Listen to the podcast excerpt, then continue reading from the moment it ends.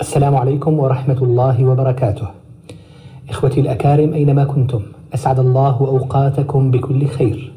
نحن معا في مستهل حلقة جديدة من برنامجنا مع الرسول صلى الله عليه وسلم.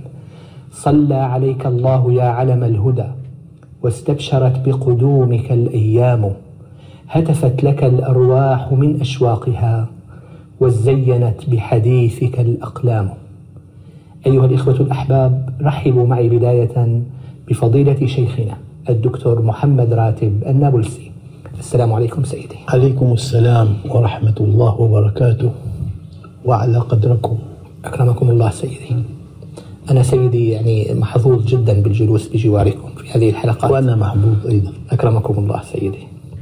سيدي نتحدث اليوم عن جوده صلى الله عليه وسلم. وقد جاء في الحديث كان رسول الله جوادا وكان أجود من الريح المرسلة وكان أجود ما يكون في رمضان.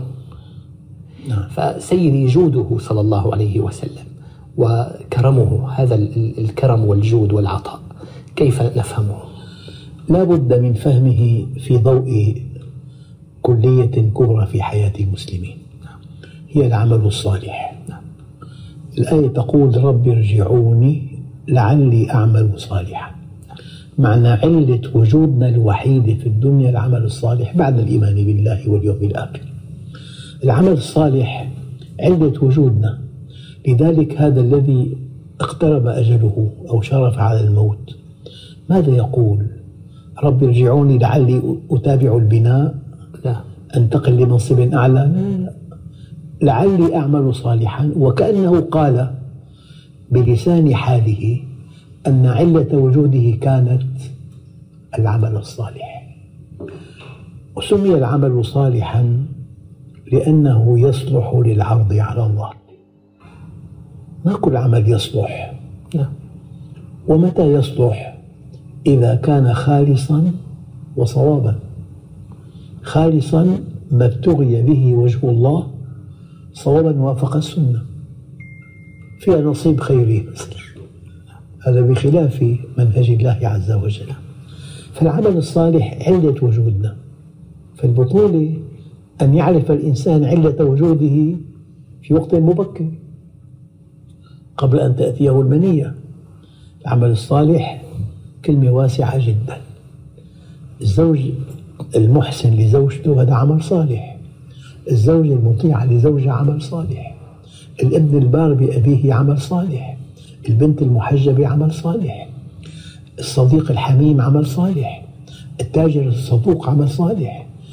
آه، المحامي الذي لا يأخذ دعوة لا يقتنع بها عمل صالح. يعني الطبيب بيقدر يقول له بدك بس حمية فقط. في يعطيه مجموعة من الأدوية كثيرة جدا. لا يحتاجها الله يعلم كل شيء. أنت حينما تعلم أن الله يعلم تنضبط. يعلم. أيام بيكون قضية تحتاج إلى بس تصريح فقط. تفوت بدعوة بتنتهي عشر سنوات. في ابتزاز بصير. والله علم الله أكبر ضمان للعمل الصالح. يعلم الحقيقة الله عز وجل. في محاماة في هندسة يعني في شق بالجدار أم كان شق طولي ما له ما له قيمة إطلاقا. أما العرض في خطأ بالأساس. فبيكون طول ممكن بناء نهار يخوفه ما بيعرف ما بيعرف. فحينما يستغل جهل الإنسان الله يعلم الحقيقة. مرض بده بس حمية فقط في عشر أدوية. مرة أذكر حدثني إنسان أنه أخذ وصفة تجاه وصفة طبية عرضها على على إنسان يعني يخاف الله قال له بدك بس أول دواء. الأول أنت بحاجة إليه. فلذلك المهنة الراقية هي راقية عند الله كثيرا. لكن بالمناسبة لا يستطيع الآخر أن يكشف الخطأ. تحتاج إلى مراقبة نعم. لله تعالى. بدها مراقبة إلهية نعم. إذا الكرم والجود ينطلق من العمل الصالح. يعطي. علة وجودنا في الدنيا حجمك عند الله بحجم عملك الصالح ولكل درجات مما عملوا. بل علة وجودك العمل الصالح. رب ارجعوني لعلي أعمل صالحا. لذلك والعمل الصالح سمي صالحا لأنه يصلح للعرض على الله. ومتى يصلح؟ إذا كان خالصا وصوابا. خالصا ما ابتغي به وجه الله. صوابا وافق السنة. نعم. سيدي هم الأنبياء كما تقولون جاءوا الدنيا فأعطوا ولم يأخذوا. نعم. الأنبياء أعطوا ولم يأخذوا. يعني هو الحياة عطاء وأخذ. في على رأس الهرم البشري زمرتان الأقوياء والأنبياء. الأقوياء أخذوا ولم يعطوا. الأنبياء أعطوا ولم يأخذوا. الأقوياء عاش الناس لهم. والأنبياء عاشوا للناس. الأقوياء ملكوا الرقاب. الأنبياء ملكوا القلوب. الأقوياء يمدحون في حضرتهم الأنبياء في غيبتهم. والناس جميعا تبع لقوي أو نبي. والبطولة أن تكون من أتباع الأنبياء. أما الأقوياء أين بطولتهم؟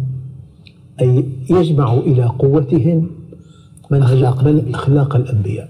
نعم نعم. آه، سيدي كما تفضلتم رسول الله كان جوادا وأجود ما يكون في رمضان. النبي صلى الله عليه وسلم في الحلقة الأولى وقع تحدثنا كيف ذاق حتى يكون أسوة ذاق الفقر والغنى. في الفقر ذكرتم هل عندكم من شيء؟ قال لا. قالوا لا. قال فإني صائم.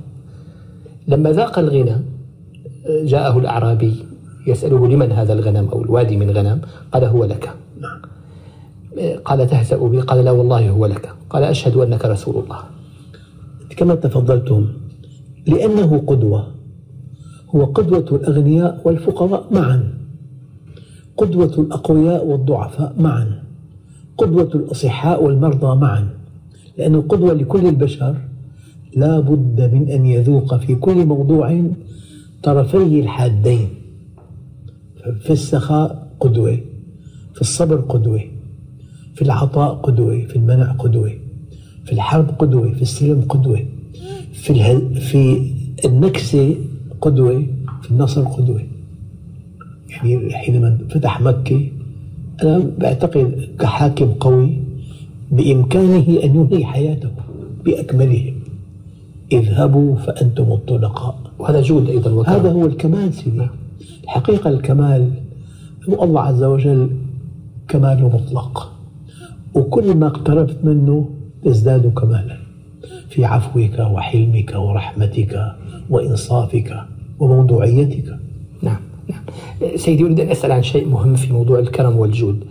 علاقته بتقريب الناس من الدين. لأن هذا الرجل الذي أخذ الغنم رجع إلى قومه قال أسلموا مع محمد فإنه يعطي عطاء من لا يخشى الفاقة الفقر. ما أهمية العطاء والإحسان؟ بيحب المال بيحب المكانة. فهذا الداعية أقول داعية الآن. فإذا كان عرف للناس مكانته عرف للغني مكانته قام شجعه على الإنفاق؟ عرف للقوي مكانته شجعه على نصر الضعيف؟ دعوة فن مو كل عالم داعية داعية خبير نفسي. هذا القوي لما سخروا استخدام قوته لخدمة المؤمنين أعطى عمل صالح. والغني لما سخر غناه لإسعاف الفقراء والمساكين أعطى عمل صالح. والخبير بموضوع معين لما سخر خبرته لنصرة الضعاف الذين لا يملكون دفع هذا الثمن أعطاه عمل صالح. هو الحقيقة أكبر رأس مال للإنسان عمله صالح. يلقى الله به وحجم الإنسان عند الله بحجم عمله الصالح ولكل درجات مما عملوا. والعمل الصالح علة وجودنا في الدنيا. يعني عفوا إذا واحد أرسل ابنه إلى فرنسا نعم. ينال الدكتوراه من السوربون. شوف مدينة عملاقة أكبر مدينة بأوروبا. فيها متاحف فيها دور سينما فيها دور له فيها أسواق. هذا الطالب الذي أرسله أبوه لينال الدكتوراه من السوربون علة وجوده الوحيدة بفرنسا الدراسة. ممكن يدخل لمطعم يأكل يشتري كتاب. يجلس بحديقة ممكن. أما علة وجوده الوحيدة ما قولك بإنسان نسي علة وجوده. جاهل. والله عندما يقترب أجله يصيبه ندم يفوق حد التصور. يا ليتني قدمت لحياتي فيومئذ لا يعذب عذابه أحد. شيء مخيف؟ أن تنسى علة وجودك.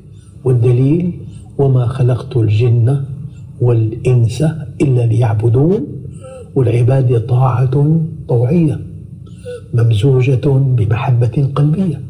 أساسها معرفة يقينية تفضي إلى سعادة أبدية. إذا الإحسان قبل البيان. أبدا. ملك قلوبهم صلى الله عليه وسلم بجوده وإحسانه نعم. قبل أن يعلمهم ببيانه. نعم. نعم. وهذا أساس في الجود وفي الكرم. نعم. جزاكم الله خيرا سيدي وأحسن إليكم. إخوتي الأكارم لم يبق لي في نهاية هذا اللقاء. إلا أن أشكر لشيخنا ما تفضل به وأن أشكر لكم حسن المتابعة. سائلا المولى جل جلاله أن نلتقيكم دائما على خير. أستودعكم الله الذي لا تضيع ودائعه. السلام عليكم ورحمة الله وبركاته. تزدان بالبشرى الليال شوقا إلى رحب الوصال والروح تسري بالخيال والوعد يحلو مع الرسول والوعد يحلو